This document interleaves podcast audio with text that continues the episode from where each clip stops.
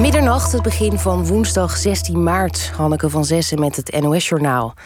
Het aantal mensen dat Oekraïne is ontvlucht is opgelopen tot meer dan 3 miljoen, zegt VN-vluchtelingenorganisatie UNHCR. Vandaag konden zo'n 29.000 mensen via humanitaire corridors uit belegerde steden wegkomen, zeggen de autoriteiten. De meeste, zo'n 20.000, gingen met hun eigen auto vanuit de zwaar belegerde stad Mariupol. Het lukte hulpconvooien niet om de stad binnen te komen. Bussen om mensen te evacueren en vrachtwagens met voedsel en medicijnen werden tegengehouden door Russische militairen, zegt de burgemeester. De onderhandelingen tussen Rusland en Oekraïne zijn afgelopen. Morgen wordt er verder gepraat. Volgens een Oekraïense onderhandelaar is er sprake van een moeilijk en stroperig proces. Er zijn fundamentele tegenstellingen, maar er is ook zeker ruimte voor compromissen, zegt hij. Sinds het begin van de oorlog in Oekraïne zijn vijf journalisten omgekomen en zo'n dertig gewond geraakt. Het gaat om twee Oekraïense verslaggevers, een cameraman van het Amerikaanse Fox News en zijn Oekraïense producer en een Amerikaanse documentairemaker. De journalisten van Fox News kwamen om het leven toen hun auto in de buurt van Kiev werd geraakt door geweervuur. Nederlandse financiële instellingen hebben tot nu toe voor ruim 6 miljoen euro aan Russische tegoeden bevroren. Dat blijkt uit een brief van minister Kaag aan de Tweede Kamer. De 6 miljoen is een stuk minder dan in andere landen. In België werd bijvoorbeeld voor 10 miljard aan Russische tegoeden bevroren. In andere landen is ook beslag gelegd op zaken als luxe jachten en villa's. Van hoeveel mensen de tegoeden in Nederland zijn bevroren is niet bekend. Het weer, opklaringen en de temperatuur daalt vannacht tot een graad of drie. Morgen eerst zon, in de middag wat meer wolken en in het westen misschien een bui. Dan tussen de 10 en 18 graden. Dit was het NOS Journaal. NPO, NPO Radio 1. VPRO. Nooit meer slapen.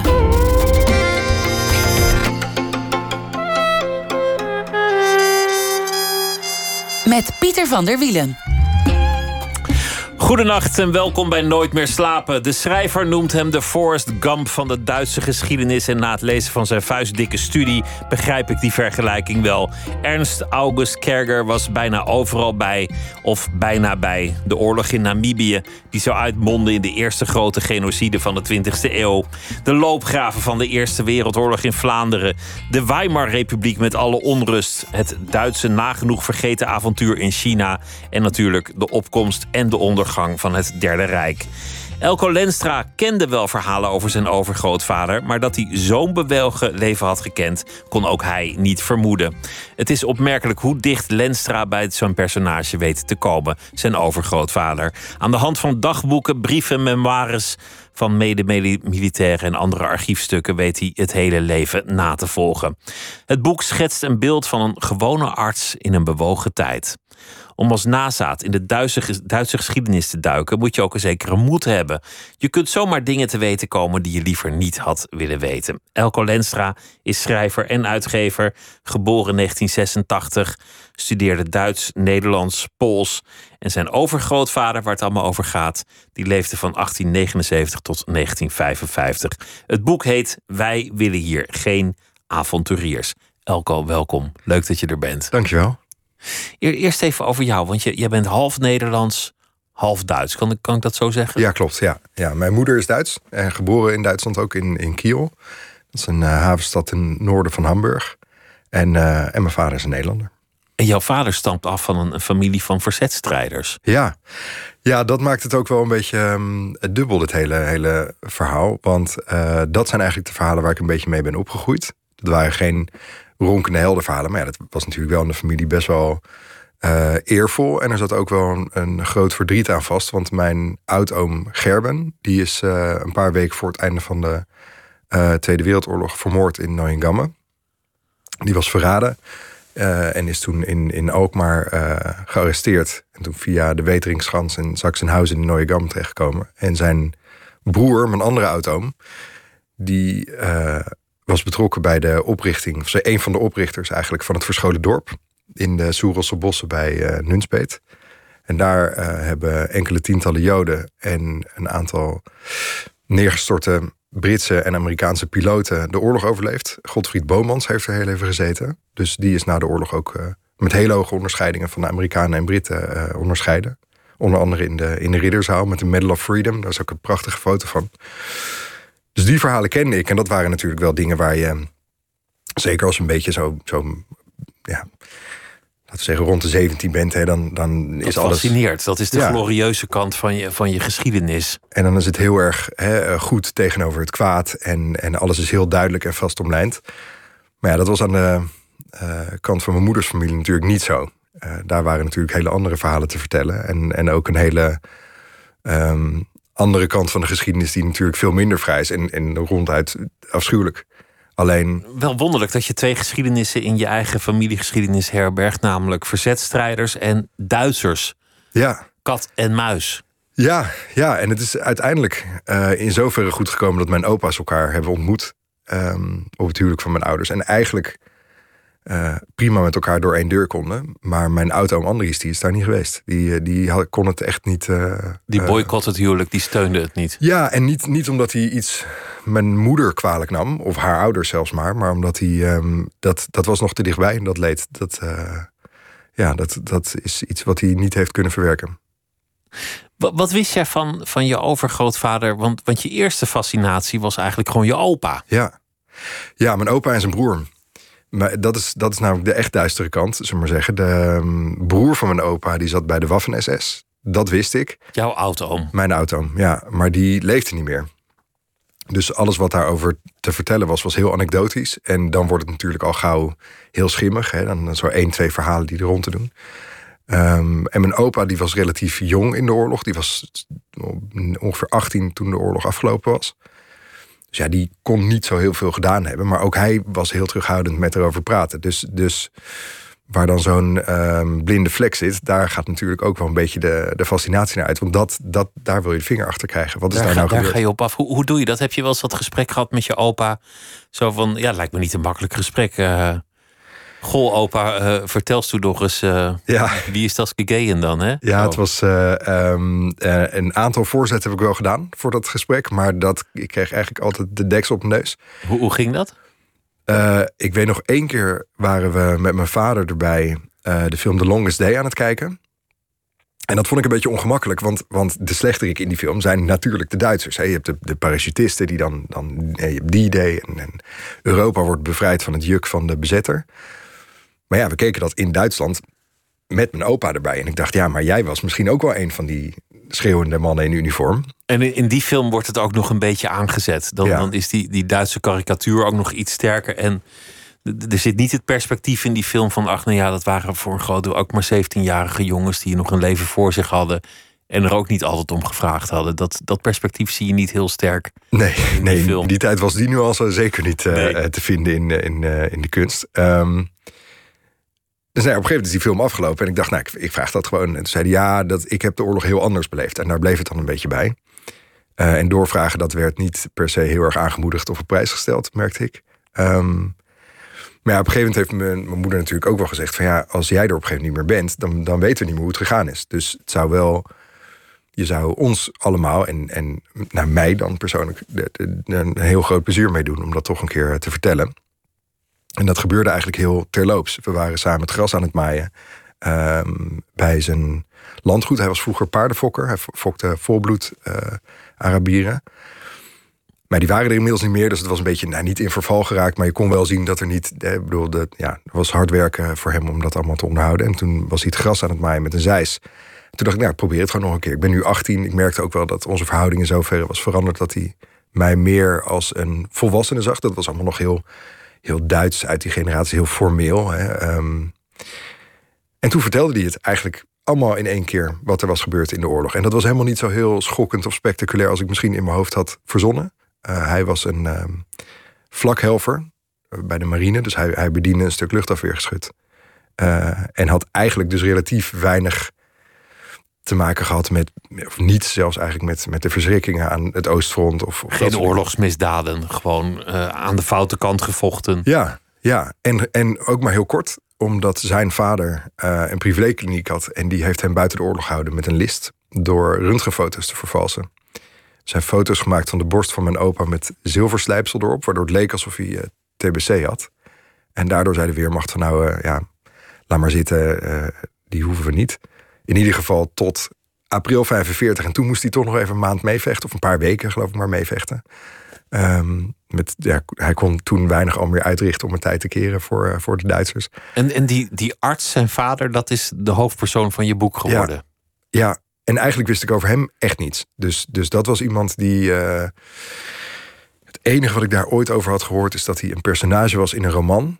En die roman had mijn moeder me ook een keer cadeau gegaan, gedaan voor kerst, geloof ik. En um, die had ik niet gelezen. Die, ja, dat was over de oorlog in Namibië en dat zei mij toen niets. Ik was geloof ik 15, 16 en, en uh, ja, die man was een wildvreemde. En ik, ik, ja, ik heb dat eigenlijk heel lang laten liggen. En achteraf, ja, dat is altijd makkelijk praten natuurlijk, maar um, achteraf in zoverre jammer dat ik niet toen al vragen heb gesteld. Want mijn opa had me heel veel over hem kunnen vertellen. Uh, dus dat voelt daar, wel zo. Daar was je nog niet. En... Nee. Dan ben, nee. ben je daar te laat. Je, je auto, want je hebt de heldendaden van de auto aan de ene kant genoemd. Dan, dan, ja, die zat bij de SS ja. aan het oostfront. Ja. Dan weet je eigenlijk wel dat de kans heel groot is dat, dat, dat daar wel hele gruwelijke ja. Ja, dingen dat, zijn gebeurd. Dat, dat kan bijna niet anders. Waarschijnlijk wel aan heeft meegedaan, of in ieder geval heeft toegekeken. Of ja. nou ja, die, die kan bijna niet vrij uit. Nee, nee, dat was, uh, dat was inderdaad ook wel um, de angst, of de zorg die ik had toen ik aan het boek begon. Van wat kom ik tegen als ik daar dieper ga graven? En um, ik dacht in eerste instantie dat het allemaal heel erg via omwegen zou moeten. Want ik, kon, ik wist bij welke eenheid hij op moment had gezeten, maar, maar niet ja, wat zijn rol precies was geweest. Tot ik twee jaar na begin van het schrijven um, op het spoor kwam van zijn kinderen. Hij heeft drie zonen en een van die zonen die is heel erg geïnteresseerd in uh, de geschiedenis. En die bleek zijn dagboek te hebben. Wat hij had gevoerd tijdens, het, uh, uh, tijdens operatie Barbarossa aan het Oostfront. En um, toen vroeg ik, mag ik dat lezen? Ja, zei hij, maar je moet het fysiek bij mij thuis komen lezen. Want ik wil dat niet sturen. Ik wil niet dat zoiets gaat rondzwerven op internet. Wat natuurlijk bij mij meteen het vermoeden deed reizen... dat dat wel echt behoorlijk vreselijk moest zijn. Dus toen ben ik naar Hamburg gereden, naar mijn ja, achterneef is dat dan, geloof ik. Um, die ik helemaal niet kende. Het bleek een verschrikkelijk aardige man. Die eigenlijk het ook wel heel lovenswaardig vond dat er nu eindelijk eens een boek over de familie zou komen. En, um, en me dat dagboek gaf. En daar komt heel erg duidelijk een beeld uit naar voren van iemand die om helemaal de verkeerde redenen uh, bij die oorlog betrokken is geraakt. Dus niet iemand die een soort schuimbekkende uh, antisemiet was. Het woord Joden komt zelfs niet in zijn dagboek voor. Of ja, één keer geloof ik. Noemt maar, hij maar niet ideologisch gemotiveerd en toch bij het elitekorps ja, gekomen. Ja, dat was, uh, dat was iets. Uh, um, hij dacht, als ik nou. Hij wilde eigenlijk in de voetsporen van mijn overgrootvader treden, die, die dus in Namibië had gevochten en tijdens de Eerste Wereldoorlog, die in ieder geval als arts had meegemaakt. Dus hij dacht, nou, als ik nou zo snel mogelijk uh, medailles op mijn borst wil, wil hebben, dan, ja, dan moet ik bij een eenheid die veel gaat vechten, dus de Waffen-SS. En um, eigenlijk meteen al een van zijn eerste aantekeningen is dat hij zich oorlog, toch, oorlog vroeger toch wel iets anders had voorgesteld. Want een van de eerste dingen die hij meemaakte, wat natuurlijk ook wel pijnlijk was om te lezen, is de, de verovering van Lviv in Oekraïne. Waar eigenlijk vanaf, vanaf het begin van, van operatie Barbarossa werden er afschuwelijke misdaden tegen de mensheid begaan. Um, tegen ook de burgerbevolking, tegen de Joodse bevolking. Maar wat hij daar precies in deed, laat hij in het midden. Uh, hij beschrijft wel dat hij er, er ja, een soort een bystander was. En dan op een gegeven moment is een van de eerste dingen die hij daar ziet in de straten van Lviv voor de, voor de synagoge zijn uh, kinderen. Die overdwars, kinderlijken, die overdwars op elkaar gestapeld zijn. En dan heeft hij alleen maar vreselijk erbij geschreven. Dus de, er zit wel iets in van. Niet, niet een afkeer tegen de oorlog, maar afkeer tegen uh, de afschuwelijkheid. Dat hij zich, dat hij ik denk dat hij zich een soort beetje naïef, um, een soort heel heldhaftig iets, goed tegen slecht. Hè, de, um, de, de veldtocht tegen het communistische kwaad, hè, dat was een soort heilige kruistocht bijna, denk ik, voor hem. Maar ja, dat daar dus ook heel veel uh, ellende en narigheid uh, en, en verschrikkingen tegenover stonden, dat had hij zich niet zo gerealiseerd, denk ik. Geïndoctrineerd, erop afgestuurd, maar Nogmaals, waarschijnlijk, waarschijnlijk gaat hij niet vrij uit. Nee, dat, dat, dat, dat kan, kan ik me bijna niet voorstellen. Nee, nee. nee. En, en je bedoel, in een dagboek schrijf je natuurlijk dat soort dingen ook niet op. er is, er is één toespeling die hij op een gegeven moment maakt... waarin hij zegt ehm, dat zijn eenheid door een dorp getrokken is... Ehm, en dan wordt een officier die in een, in een open wagen zit... Uh, in zijn nek geschoten en die overlijdt vrij, uh, vrij snel. Hij ziet dat ook van dichtbij en hij is geschokt. En daarna zegt hij... Uh, de eenheid ging terug om het hele dorp plat te branden... en, en nou ja, eigenlijk een soort wraak, wraak te nemen. En ja, daar moet hij, moet hij aan hebben meegedaan. Maar je komt dus, dat, dat kom je dus niet te weten, omdat ik denk, uh, toen al was hij zich er heel erg van bewust dat misschien ooit iemand dat zou lezen. En dat het misschien een, een goed idee was om niet al te gedetailleerd in te gaan op wat hij nou precies wel en niet had gedaan. Dit was je aanvankelijke fascinatie, de Duitse geschiedenis, ja. Een familiegeschiedenis. Tegenover de geschiedenis van je Nederlandse familie, het goed en het kwaad, het heldendom en het, en het daderschap in één familie. Nu komt die overgrootvader. En, en, en dit is echt een, een wonderlijk verhaal. wat die man in één leven heeft meegemaakt. Wat, wat mij verbaast bij het lezen van het boek is hoeveel je te weten bent gekomen. Met hoeveel detail je zijn schreden hebt weten te vinden. Hoeveel bronnen je hebt, je hebt geraadpleegd. Je hebt, je ook rondgereisd. Je bezoekt alle plekken, alle archieven. Elk lokaal archief waar nog iets ligt, daar, daar ben je dan weer. Je hebt brieven, uh, memoires van medestrijders. Nou ja, ga ze maar door. Heeft je leven totaal in het teken van andermans leven gestaan de laatste jaren? Ja, ja zo voelde het wel. Um, het is heel gek dat je, dat je vier jaar lang bijna uh, elke dag leeft met iemand die je helemaal niet hebt gekend. Maar waar je je dan toch uh, heel verwant mee voelt. En waar je steeds verwanter mee gaat voelen. Want het is natuurlijk toch.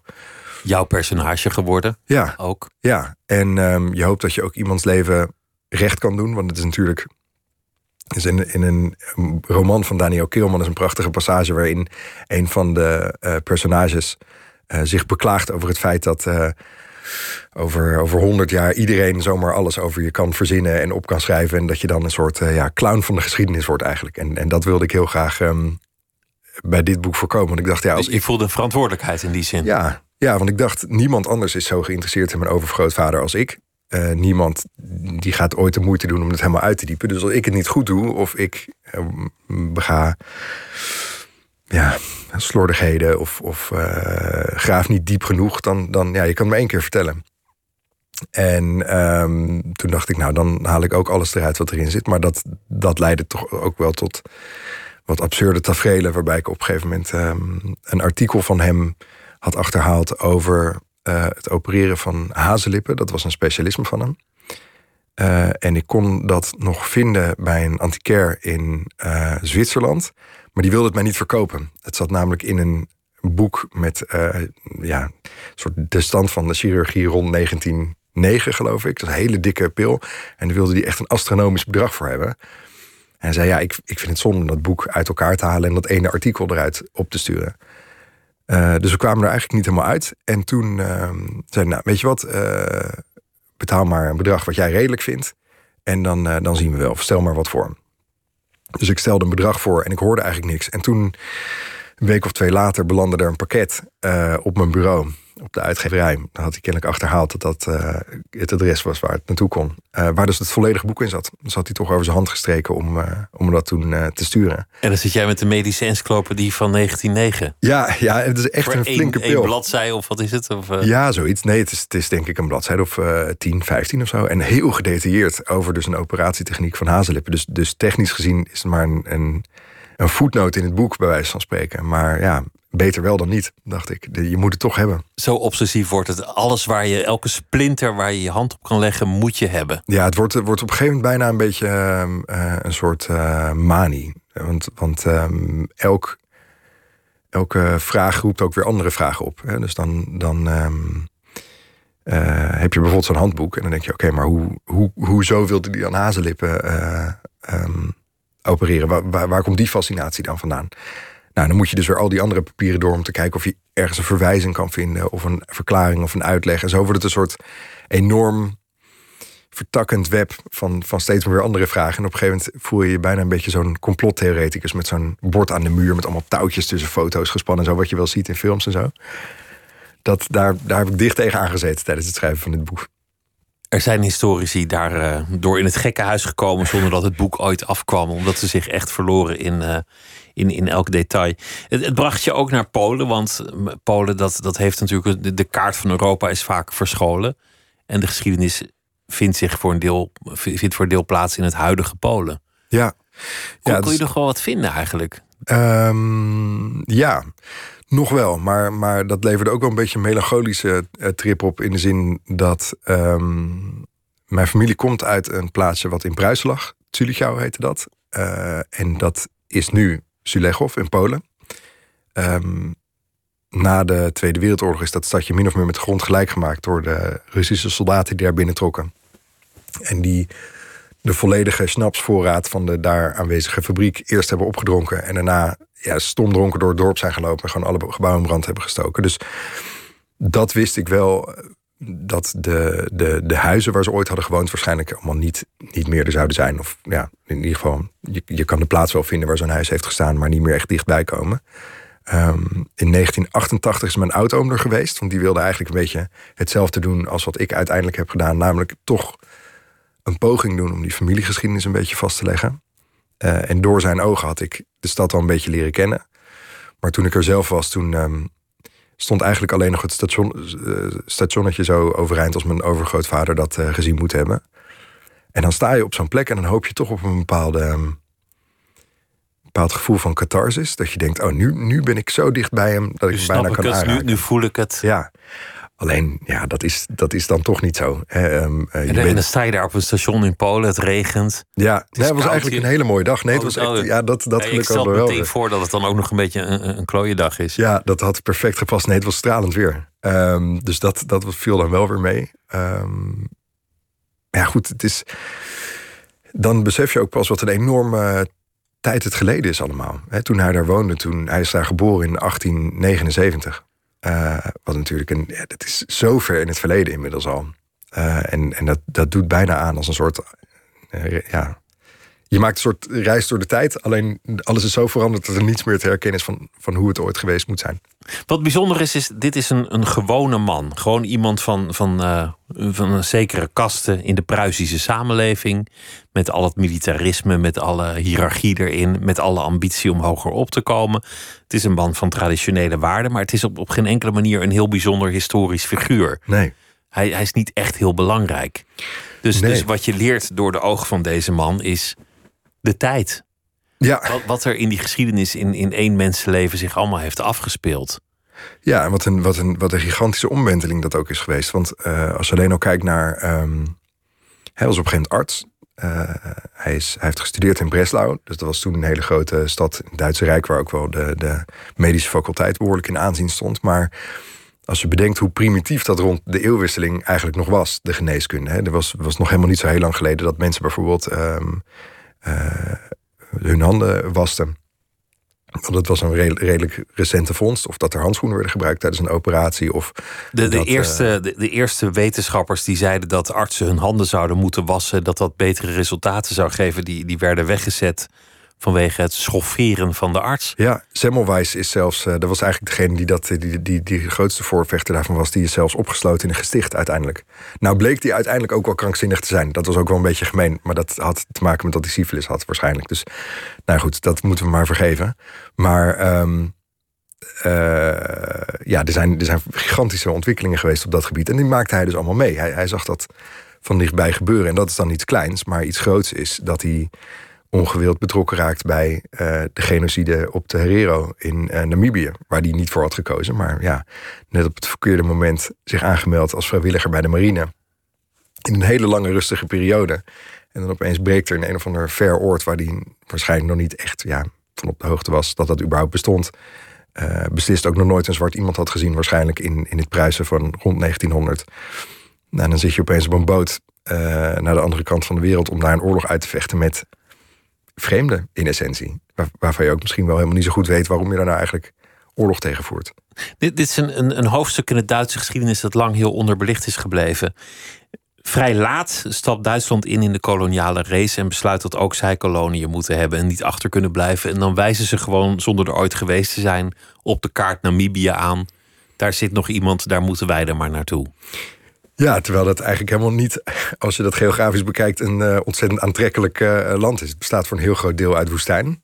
Um, dat was voor een reden natuurlijk niet uh, gekoloniseerd. En um, het is eigenlijk ook helemaal niet per se geschikt voor landbouw. Het is eigenlijk ook niet per se heel geschikt voor het houden van vee. de beperkte ruimte die er is voor het houden van vee, die, die werd al gebruikt door de Herero, die daar al woonde. Um, dus de Duitsers hadden er niet zo gek veel te zoeken. En het, het sneu is dat ze dus ook dat. Er zitten een enorme hoeveelheid diamanten in de grond in uh, Namibië.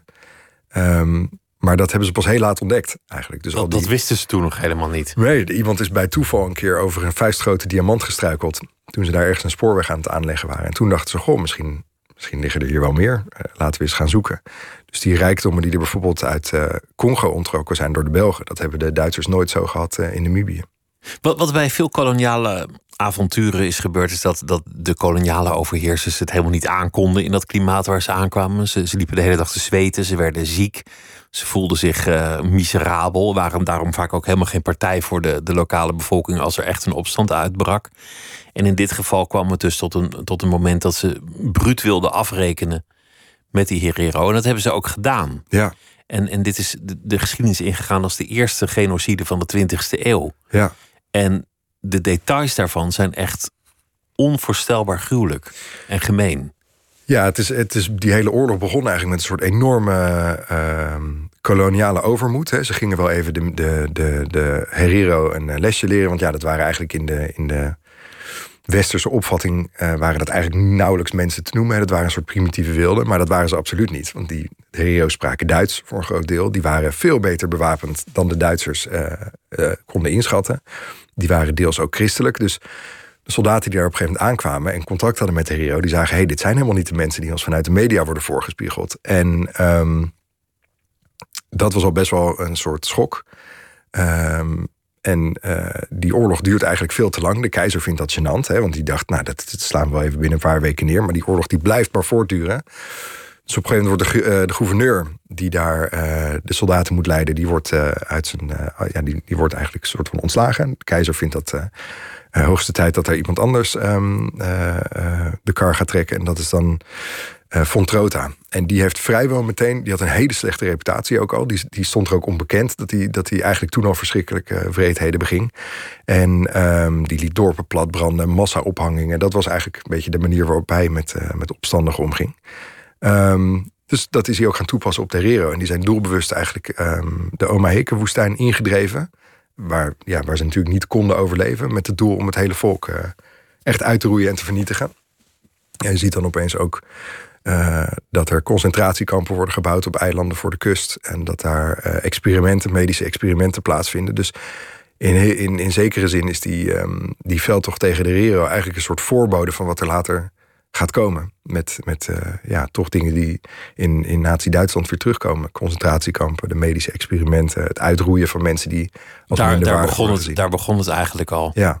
ja. Een, een, een detail wat heel fascinerend is, is dat, dat sommige schedels van vermoorde uh, mensen daar nog, nog tot, tot in de 21ste eeuw in de kelders van musea in Berlijn hebben gelegen. Ja, ja, dat is nu eigenlijk net pas de laatste jaren een beetje um, dat de Duitsers daar, uh, daar beginnen met. Um, echt actief beginnen met het uh, verwerken van dat verleden. Dat ook schedels worden teruggegeven, dat roofkunst wordt teruggegeven. Er was, ik geloof, een, iets van een paar maanden geleden nog een hele grote ophef. Omdat er een tentoonstelling was in, uh, in Duitsland waarin een selectie roofkunst um, bijeen was gebracht door iemand die een enthousiaste verzamelaar werd genoemd door het museum, wat natuurlijk nogal verkeerd viel. Nee, dat is, dat is echt nog een stuk Duitse geschiedenis waar, waar ze. Um, Waar ze nog aan moeten beginnen, ja, feitelijk. Ja, eigenlijk wel. Wat, wat, ben je te weten gekomen over je overgrootvader? Want hij ging daarheen als arts. Wat, wat heb je kunnen vinden over zijn uh, avonturen daar? Nou, oorspronkelijk ging hij erheen als marinier. Um, en hij was, hij was toen al afgestudeerd als arts, maar uh, ze hadden soldaten nodig. Dus nou goed, hij moest eerst uh, vechten de eerste paar maanden. Maar toen uh, gingen er zo verschrikkelijk veel artsen dood dat hij zei van nou, dan, dan wil ik het wel proberen. En toen hebben ze hem aangenomen als arts. En in die hoedanigheid heeft hij een heel dun proefschriftje geschreven over tyfus in Zuidwest-Afrika tijdens de veldtocht. En dat zou zo'n beetje het enige zijn wat er bewaard was gebleven. Waar het niet dat zijn beste vriend ook mee was. Ehm, die kende hij nog van zijn studententijd. Die hadden ze bij, hetzelfde, bij dezelfde studentenvereniging gezeten. Ehm, en die heeft een dagboek bijgehouden, vrij gedetailleerd. En dat dagboek is na de oorlog in handen gekomen... via allerlei omwegen in de handen van een um, romanschrijver. Gustav Frenzen. En die heeft een roman geschreven uh, getiteld... Peter Moors vaart naar Zuidwest waar mijn overgrootvader in voorkomt als naamloze arts. Uh, gebaseerd is op die dagboeken van zijn beste vriend.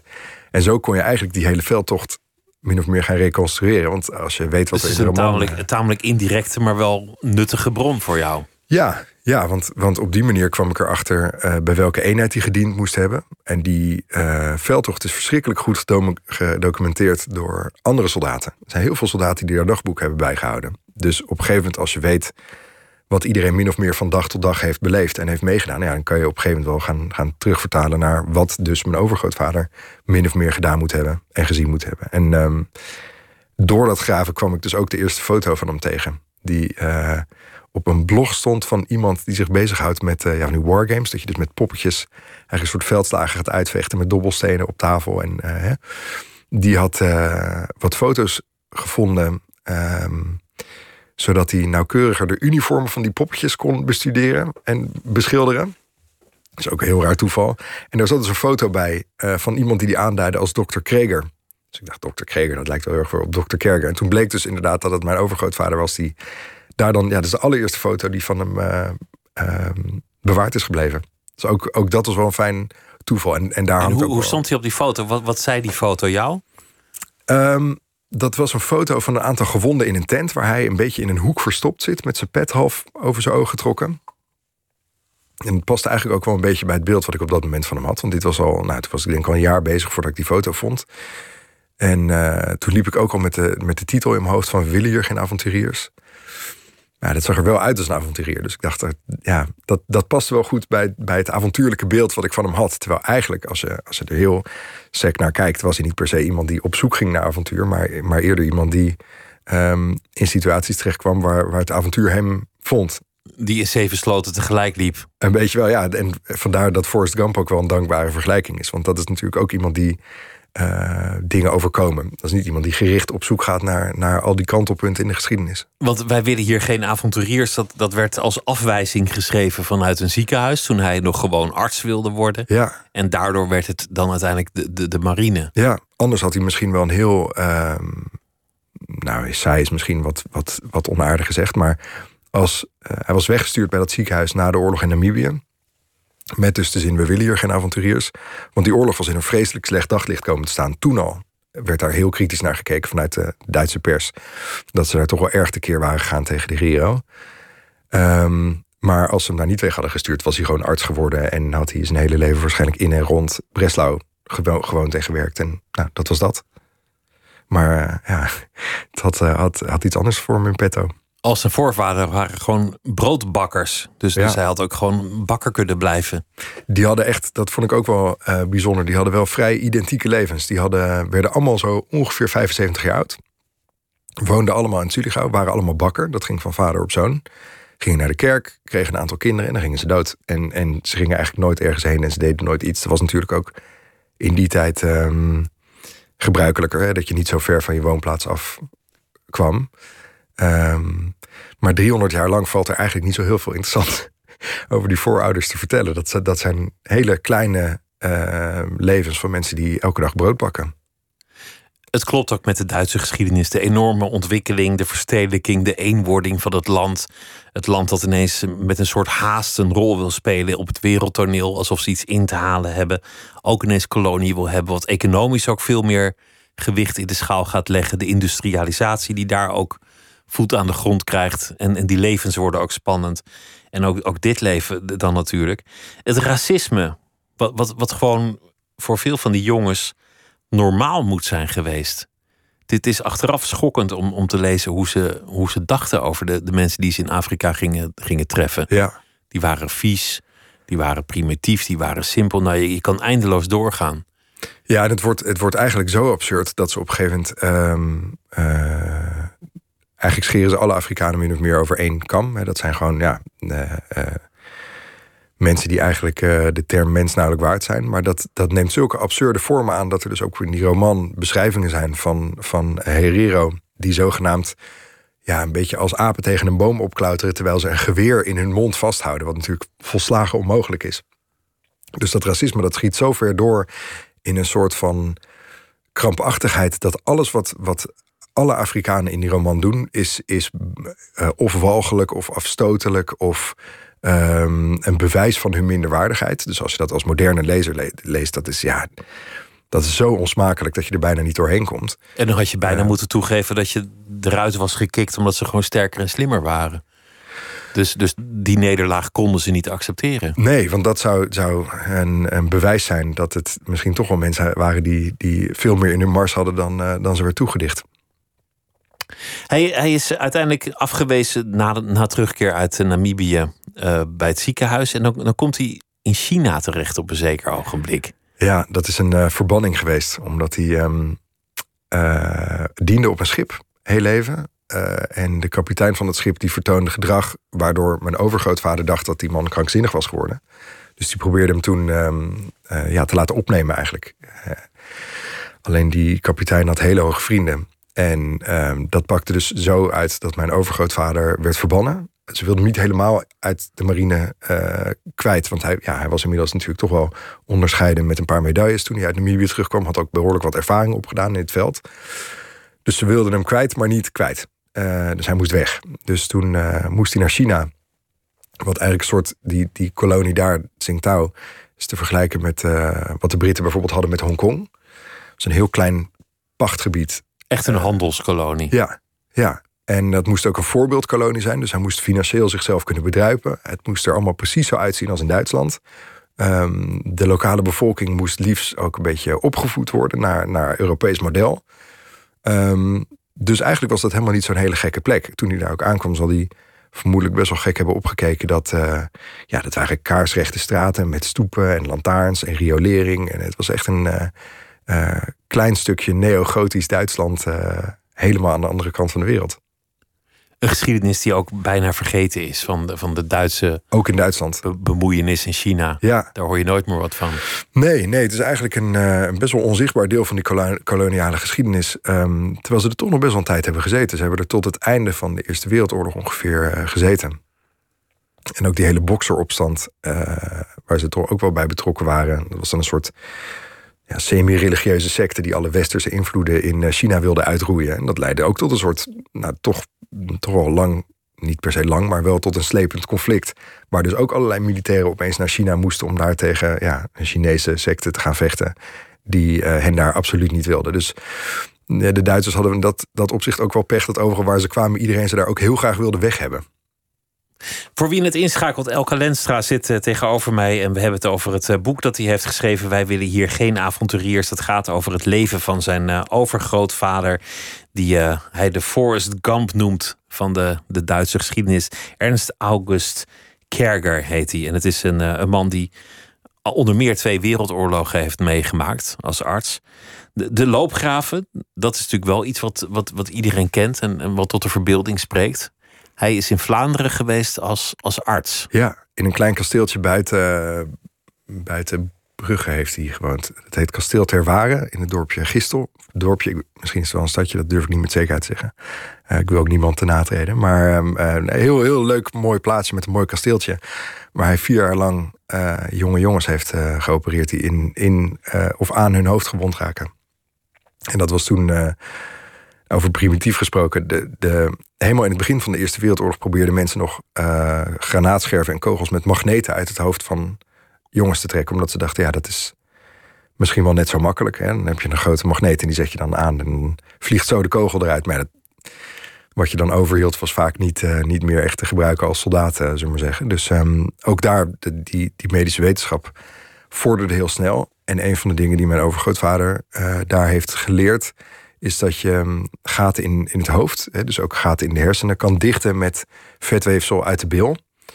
En uh, dat levert niet per se altijd hele gezonde mensen op, maar wel mensen die soort van nog in ieder geval enigszins kwaliteit van leven hebben. Um, al ligt die lat wel laag, want in zijn aantekeningen beschrijft hij dan op een gegeven moment een patiënt die de operatie weliswaar heeft overleefd. En na een week ongeveer zindelijk is. Uh, dus in die zin is de operatie geslaagd. Maar hij kan, geloof ik, zijn arm en been niet meer heel goed bewegen. En hij weet de meeste woorden niet meer. Dus hij kan voorwerpen niet meer herkennen. Dus het is ook maar de vraag wat je genezen noemt uh, in die zin. Je kunt je daar geen voorstelling van maken hoe dat geweest moet zijn om als arts vlak achter de linies te zitten, dan in, in het bezette Vlaanderen. En, en daar in de buurt zijn een aantal hele grote veldslagen geweest. De, de, de slag om Ieper, de eerste, de tweede. Ja. En eh, de slag om, om Loos. Nou ja, nog een paar van die, van die veldslagen zijn daar geweest. Dat, dan krijg je dus honderden, misschien wel duizenden mensen tegelijk binnen. die allemaal aan flarden zijn geschoten. Ja, of, dag... of met bommen aan, aan flarden zijn gewerkt. Ja, dag in dag uit. Dus er was eigenlijk geen, uh, geen houden aan. En uh, hij heeft toch Nee, dat, ja, dat moeten talloze, talloze mannen zijn geweest. En, en ik kan me ook wel voorstellen dat hij zich soms misschien meer bijna een slager dan een uh, chirurg voelde. Want ik bedoel, die verwondingen waren zo afschuwelijk. En later in de oorlog kreeg je er natuurlijk ook gasverwondingen uh, bij. Waar in eerste instantie ook niemand van wist hoe, ja, hoe behandel je die mensen. Op een gegeven moment zijn er dan. Als de longen zijn weggebrand door, door, bijvoorbeeld, of ja. de huid. Ja, en um, uh, iemand die helemaal doordrenkt is van dat gas, die, die stoot dat schijnbaar ook uit. Dus uh, wat je op een gegeven moment ziet vanaf, geloof ik, 1916, 1917, is dat ze bij dat kasteeltje een tent hadden gemaakt in de voortuin. Waren dan de bloemperkjes helemaal platgewast en was een grote tent neergezet voor uh, gas, mensen met gasverwondingen. Die, die moesten daar dan een beetje uitwasemen zodat ze niet de rest zouden ja, besmetten of ziek zouden maken in, in het kasteeltje zelf. Wat kon je vinden over, over één individuele legerarts in een kasteeltje in Vlaanderen in de Eerste Wereldoorlog? Hoeveel, hoeveel bronnen zijn er dan van? Ja, toevallig kwam ik best wel snel een um, dagboek tegen van Kurt Westman. Dat is dus een chirurg die vlak bij mijn overgrootvader heeft gediend, zo in dezelfde regio. Um, er is toch best wel veel nog vanuit allerlei hoeken bewaard gebleven over de Eerste Wereldoorlog. Je ziet ook wel dat er, er zijn natuurlijk hè, boeken. Op zich goed gedocumenteerd. Ja. ja. Maar, maar geldt het dan ook voor het leven van één individuele arts? Minder, minder. Ja, je moet wel echt, uh, je moet wel echt gaan, uh, gaan graven. En hij heeft in de Eerste Wereldoorlog bijna geen aantekeningen gemaakt. Dus dat is wel. Hij heeft later, na de oorlog, wel een boekje gepubliceerd uh, over die hoofdverwondingen. Maar er staat natuurlijk niet in hoe het dagelijks leven was. Wat ik daarvan wist, is dan voornamelijk anekdotisch van zijn kinderen. Dus mijn oudoom, uh, die later bij de Waffen-SS zou gaan... die vertelde dat bijvoorbeeld mijn um, overgrootvader wel eens vertelde... dat hij... Er was daar een, kok, Idux heette die, in dat kasteeltje. Die ging dan in, in allerlei sloten aflopen om kikkers te verzamelen... zodat hij die de officieren kon voorzetten. Dus dat schetst dan wel een beetje een beeld van hoe zo'n dagelijks leven eruit ziet. En uh, als je wat verder gaat graven, dan kom je ook wel tegen dat er dan uh, in Brugge een officierscasino was. Met allemaal hele malle, een beetje ja, kinderlijke en frivole wandschilderingen van mensen met torpedopropellers op hun billen en zo, dat soort dingen. Uh, maar ja, goed, daar gingen officieren heen, dus zal hij daarheen zijn gegaan, want dat is vlakbij. En zo puzzel je het allemaal een beetje, een beetje aan elkaar. Zo zou het ongeveer geweest ja. moeten zijn. Ja, wel wonderlijk dat, dat, dat je oudoom zo graag dan toch een, een oorlog wil meemaken. Terwijl hij had kunnen weten van zijn vader hoe naar het is ja. en hoe vreselijk het is. En dat geldt niet alleen voor jouw auto, maar eigenlijk voor heel veel Duitsers die zo'n enorme hang naar revanche hadden na die nederlaag in de Eerste Wereldoorlog, dat ze bijna vergaten hoe gruwelijk het allemaal was. Ja, het is toch gek dat die heldhaftigheid zo is blijven plakken. En, en ik denk dat er in dat die... militarisme. Ja, dat, dat verheerlijken van die, uh, van die oorlog. Um, en tegelijkertijd kan ik me ook voorstellen dat het natuurlijk een tijd was... waarin, over gevoelens praten je niet. Dus natuurlijk waren er verschrikkelijk veel mensen getraumatiseerd... na die oorlog, die, die waarschijnlijk verschrikkelijk last hadden... van posttraumatisch stresssyndroom en dat soort ellende. Um, bedoel, mijn overgrootvader die heeft ook in een kuuroord gezeten. En er wordt dan heel eufemistisch uh, in zijn dossier... Uh, wordt dan opgemerkt, ja...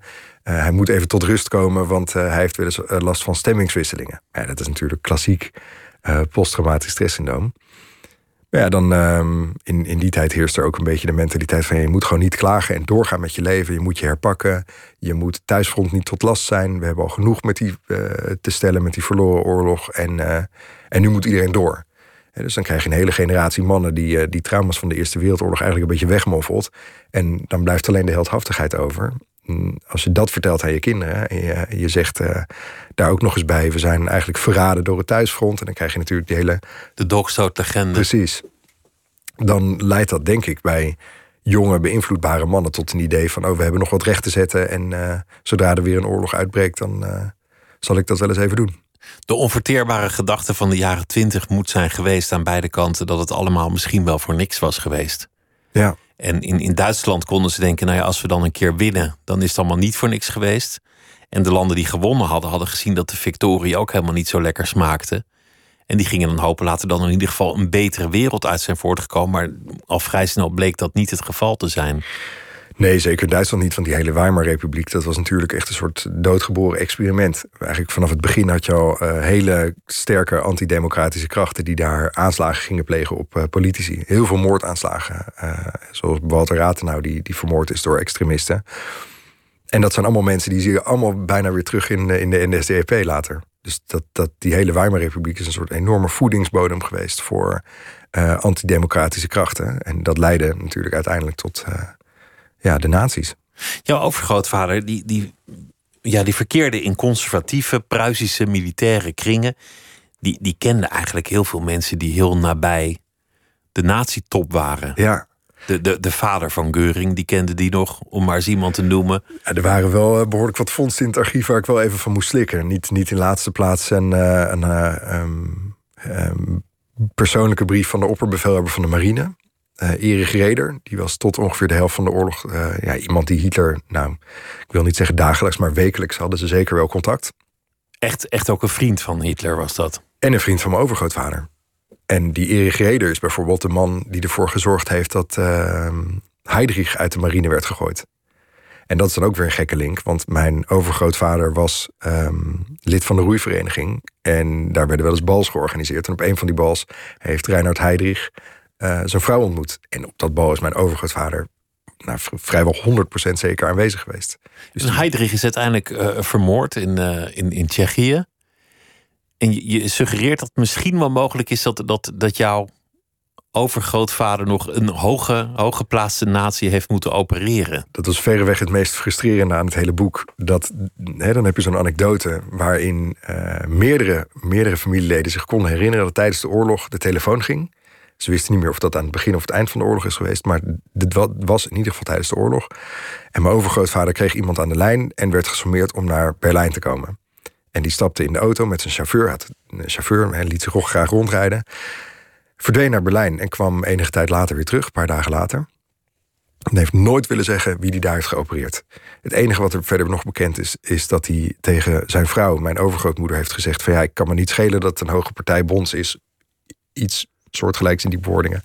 Um, het is iemand die hulp nodig heeft. Ik ben een arts, ik heb een eed gezworen, ik moet hem helpen. Um, maar ja, wie dat, uh, wie dat is geweest, uh, daar speculeer ik natuurlijk een beetje in mijn boek van. Dat is wel verleidelijk. Um, ik denk dat het uiteindelijk uh, een hoge Waffen-SS-generaal is geweest. Die de zoon was van de man onder wiens leiding hij had gestaan in Vlaanderen. Want daar heb ik ook brieven van gevonden. Die hadden een ja, toch behoorlijk vriendschappelijke correspondentie. En die is ergens in de oorlog neergestort en is ook gewond geraakt aan zijn hoofd. En aangezien mijn overgrootvader gespecialiseerd was in dat soort hoofdwonden, is het wel aannemelijk dat hij um, daarbij betrokken is geweest op een of andere manier. Pruisische conservatieven waren niet per definitie dol op Hitler. Maar nee. ze dachten dat hij hun doelen dichterbij zou kunnen brengen. Ze dachten, nou ja, het is een patjepeer, maar misschien kan, kunnen we hem gebruiken. Daar, daar zat eigenlijk een, een soort tweeledigheid in die, in die relatie. Het waren niet de fanatiekste naties in eerste instantie. Maar ze geloofden wel in dat militaristisch ideaal van een groot Duitsland. Ja. Hoe, hoe stond jouw overgrootvader daarin? Die is daar op een hele pragmatische manier en ook een beetje een uh, opportunistische manier doorheen uh, gelaveerd. Want die um, was geen lid van de partij. Dat kon hij ook niet worden, want hij was vrijmetselaar geweest en daar hielden de naties absoluut niet van. Tegelijkertijd was hij er ook uh, absoluut niet te beroerd voor om de contacten die hij had binnen de, de, de nazi-top te gebruiken als dat hem goed uitkwam. Dus dat maakte dat boek natuurlijk ook wel een beetje ingewikkeld, want, want het is um, iemand die eigenlijk niet echt kant kiest. Hij is niet voor, maar hij is ook beslist niet tegen geweest. Hij probeert gewoon te overleven en misschien zelfs hoger op te komen. Ja, ja hij heeft wel geprobeerd om nog uh, opgeroepen te worden als arts toen de oorlog uitbrak, voordat de oorlog uitbrak eigenlijk. Uh, maar ja, de, de nazi's die zaten natuurlijk een beetje met het feit in, in hun maag dat hij vrijmetselaar was geweest. Alleen door een administratieve fout hadden ze hem wel opgeroepen. Ze had best wel een prestigieuze post aangeboden gekregen. Die wilde die wel aannemen, maar uh, voordat dat kon, zeiden ze: Oh ja, wacht, er is een probleem. Er zijn er verschrikkelijk veel brieven heen en weer gestuurd. Uh, van hoe, hoe lossen we dit nou op? Want vrijmetselaars die, die waren ook op de, de lijst van. Uh, ja, ja, die werden eigenlijk. mensen voor hun de, de nazi's zagen dat eigenlijk als een soort verlengstuk van wat zij als het uh, internationale jodendom uh, uh, en het bolsjewisme, zeg maar, dat, daar werd, werd het vrijmetselaarschap bovenop gegooid eigenlijk. Want niet nationalistisch. Ja, en ik, het, het, feit dat het een geheim genootschap was, dat vonden ze natuurlijk ook helemaal niet prettig. Hè, dat je daar moeilijk grip op kon krijgen. En um, nee, dat, dat daar hielden ze absoluut niet van. Er, was, er is enig tijd ook bij de Sicherheidsdienst en bij de Gestapo, geloof ik, een speciale afdeling geweest die uh, het gemunt had op vrijmetselaars. Dus dat is ook een, uh, ja, als mensen dat van je weten, is dat een gevaarlijke um, plek om in te nemen in dat nieuwe Duitsland. Dus daar moest hij wel verdomd goed oppassen dat hij niet um, al te kritisch zich uitliet in gezelschap over de nazi's. Als hij dat überhaupt al deed. Hij werd wel lid van, van de partij, maar dat deden meer mensen uit opportunisme of misschien ook wel om, om vrij uit te gaan in sommige dingen of een soort bescherming te zoeken. Ja, hij, hij werd een soort, um, uh, dat heet een Fördendes Mitglied. Hij, hij werd een soort uh, sponsor eigenlijk van de SS. De SS die had op een gegeven moment geld nodig. Dat was aan het begin van Derde Rijk een organisatie die, die, die moest groeien en daar was geld voor nodig. En toen werden er ook wel eens mensen een beetje onder druk gezet om dan toch maar geld te geven. Dat waren vaak industriëlen of mensen die, zoals mijn overgrootvader, toch wel enig vermogen hadden. Um, dus ook daar is weer de vraag: deed hij dat helemaal vrijwillig? Was er sprake van dwang of druk? Uh, ook dat weet je niet. Maar het enige wat je dan vindt in zo'n familiearchief is een, um, ja, zo'n embleem wat je op, je op je jasje kon spelden om te laten zien: ik ben, uh, ik, ik doe braaf mee. Dat Derde Rijk heeft daar twaalf jaar geduurd. Het is ook wel moeilijk om iemand te vinden, denk ik, die helemaal de handen schoon heeft, heeft weten te houden in zo'n samenleving. Zeker als je wat hoger geplaatst was of of, of, veel mensen kenden, et cetera. Ja, ja, op dat landgoed wat hij had, um, buiten Kiel, dat heeft hij op een gegeven moment in de jaren twintig heeft hij een, landgoed gekocht. Maar op een gegeven moment al die arbeiders die daar werkten, die moesten naar het front. Dus uh, dat, die werden vervangen voor dwangarbeiders.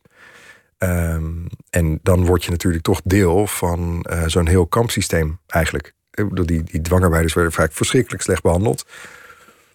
Voor zover ik heb kunnen nagaan, door hem niet op zijn landgoed hadden ze het relatief goed. Hij is zelfs een keer gearresteerd omdat um, de dwangarbeiders moesten een teken op hun kleding dragen dat ze te herkennen waren als dwangarbeiders. Maar dat vond hij onzin. Dus um, die mochten gewoon hun normale plunje aan, of ja, gewoon de kleren die ze hadden. Uh, en daar, daar heeft iemand hem voor aangegeven. Waarschijnlijk iemand van zijn eigen mensen. En toen werd hij op een dag opgehaald door twee leden van de SS.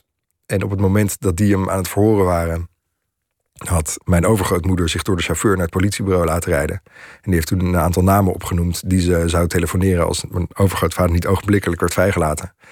En diezelfde middag mocht hij naar huis. Dus kennelijk waren dat namen die uh, indruk hadden gemaakt. Dus hij had ook wel last van het regime. Hij heeft, hij heeft zijn connecties geprobeerd in te zetten om, om die oude-oom, zijn zoon, weg te houden uit die oorlog. Ja. ja, en daar zaten echt onsmakelijke mensen tussen. In een, in een brief zijn natuurlijk, het wemelt natuurlijk van de onsmakelijke mensen in het Derde Rijk. Maar, maar daar zaten wel hele dubieuze types tussen in die correspondentie. Op een gegeven moment is mijn overgroot, mijn oud-oom gewond geraakt in Oekraïne. Uh, tijdens het veroveren van een brug. Uh, toen terug in Duitsland in een ziekenhuis. En mijn overgrootvader wilde hem bij het Oostfront vandaan houden. Want die had wel ook op dat moment wel door dat dat een aflopende zaak was. Ik kende natuurlijk veel mensen in de, in de legertop. Dus die zag dat helemaal misgaan. En toen heeft die ene Carl Gensken schijnbaar een brief gestuurd. Dat was een hele hoge natiearts die later ook is uh, geëxecuteerd voor zijn uh, uh, misdaden tijdens het Derde Rijk. Ja, dat is wel een contact die hij heeft aangeschreven, zodat mijn auto geneeskunde mocht gaan studeren. Terwijl hij eerst ingenieur wilde worden, dus die had helemaal geen medische kennis. Maar die verdween toen eigenlijk in een soort kuuroord in de bergen bij Zakopane in Polen. En had daar een hele plezierige tijd. En dan kon hij skiën en dan kon hij een beetje leren hoe hij uh, um, zieken moest verzorgen. Dus dat, dat heeft hem wel, denk ik, uh, gered. Dat is wat elke vader zou doen, denk ik. Dat denk ik ook, ja. Dat kan je veroordelen, maar dat is, dat is gewoon wat je als ouder doet. Ja, ja je, je kan het hem ook bijna niet kwalijk nemen in de zin dat uh, het alternatief was geweest dat uh, mijn oud, oud was genezen en weer terug naar het Oostfront had gemoeten, met alle gevolgen van dien. Hoe is, de, hoe is dat avontuurlijke leven afgelopen? Heel onavontuurlijk. Hij is op, uh, op een hele warme zomerdag in 1955 um, heeft zich teruggetrokken. Hij, hij at graag grote, grote maaltijd, liefst met veel vis. En um, zo'n soort maaltijd heeft hij ook gegeten. En dan trok hij, zich, trok hij zich altijd een beetje terug in zijn werkkamer. Uh, en dan ging hij, uh, daar had hij een bedje staan. In dit geval ging hij in zijn stoel zitten, sloeg zijn handen over zijn buik, deed zijn ogen dicht en werd niet meer wakker. Ja, het is eigenlijk een heel... Een rustige oude dag die, die uh, na... Wat je iedereen toewenst. Ja, hij, hij, flinke lunch is geëindigd. ja, misschien ook wel met een goed glas of twee. Um, nee, ja, je verwacht in zo'n, in zo'n onderzoek dan toch aan te treffen... dat hij op een gegeven moment uh, tijdens een grote veldslag... of tijdens iets anders spectaculairs om het leven komt. Maar, maar een heel um, rustig, klein, bescheiden einde. En voor jou een, een, een project van jaren... dat je, dat je echt door, door heel Europa heeft ge, ge, geraast. En archieven en, en al dat spitwerk. Ja, wat, ben... wat heeft dit je opgeleverd? Um, nou, in hele brede zin een diepere kennis van de Europese geschiedenis. Dat, dat vond ik op persoonlijk vlak, dat is altijd een grote interesse geweest. Dus dat, dat vond ik op persoonlijk vlak heel bevredigend. Maar wat ik veel belangrijker vond, is eigenlijk een, um, een inkijk in wie nou eigenlijk mijn voorouders zijn. Er zijn niet zoveel mensen die zo ver terug kunnen gaan. Ik bedoel, mijn, mijn stamboom aan de Duitse kant gaat terug naar ja, 15 nog wat. Uh, dus dat is wel bijzonder dat je zo ver terug kan kijken en kan zien wat waren dat eigenlijk voor mensen. Uh, ik bedoel niet dat ik daardoor enig liefde voor het bakkersvak heb ontdekt. Ik vind het heel bewonderenswaardig dat mensen elke dag zo vroeg op kunnen staan. Maar het is, het is niet, ik heb niet ontdekt dat ik dat ook met mijn leven wil doen. Dus niet, dat is geen, niet de nieuwe inzicht Niet geloof van shit, waarom ben ik geen bakker Ja, wat, wat, waar is het misgaan eigenlijk? Nee, het is, uh, het is boeiend, want um, je ziet in zekere zin toch wel misschien... ook omdat je dat wil zien, parallellen met je eigen leven. En je hoopt dan toch... bijvoorbeeld de, de, wat ik wil herkennen in mijn overgrootvader... is een soort enorme drang naar niet per se avontuur, maar wel naar nieuwe dingen, naar vooruitgang, naar, naar ja, wat meemaken. Uh, dus die. Maar misschien wil je dat ook wel zien als je zo lang aan een boek werkt. Op een, gegeven moment, op een gegeven moment raak je ook een beetje verweven misschien met de persoon waar je over schrijft. Het is natuurlijk ook zo als je zo'n geschiedenis, en zeker de Duitse geschiedenis leest. Die mensen zaten vast in een, in een bepaalde sociale omgeving, een bepaalde manier van denken. En ja, je kan natuurlijk als je, als je honderd jaar later zo'n boek leest. en vanuit een heel andere geografische plek. kan je natuurlijk heel makkelijk oordelen over die manier van denken. Maar dan doe je die mensen onrecht. en dan doe je de geschiedenis ook onrecht. Dan ben je eigenlijk niet met geschiedenis bezig. Ja, ja ik denk dat je als je een boek als dit schrijft. vooral een toeschouwer moet zijn. Dat je de lezer moet, moet laten oordelen over. over uh, de beslissingen die mensen maken. En um, wat je zegt, het is heel makkelijk om, om met een vinger te wijzen en te zeggen: Oh, dit had ik anders gedaan of dit had ik niet zo gedaan. Maar uiteindelijk ja, aan het eind van de dag, je, je weet niet wat je had gedaan in zo'n tijd. En, um, en ik denk dat elke lezer van dit boek misschien, ja, misschien levert het ook wel interessant gedachte-experiment op. Dat je denkt, nou, wat heb ik gedaan als, als jonge jongen van begin twintig in zo'n tijd in Namibië? In een totaal onbekende wereld met mensen die ik, ja, waar ik niets mee gemeen had.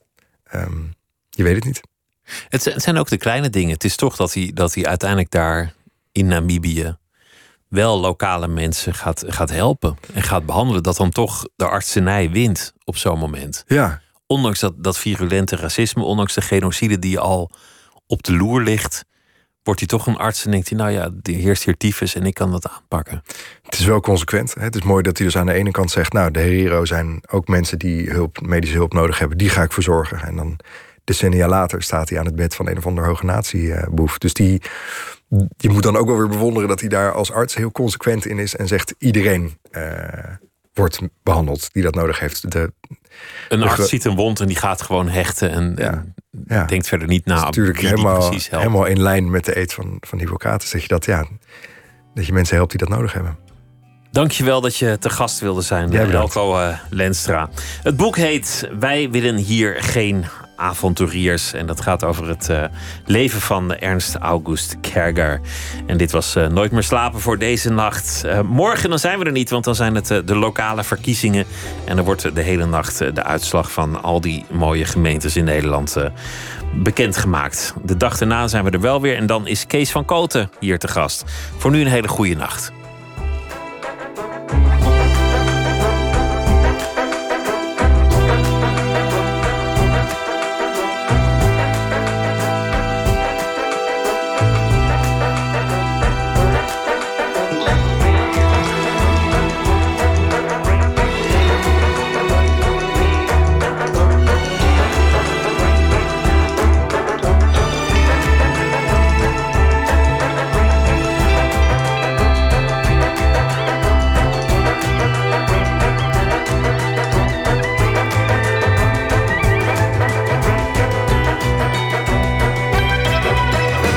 NPO Radio 1. Wie luistert, weet meer. NPO Radio 1. 1 uur.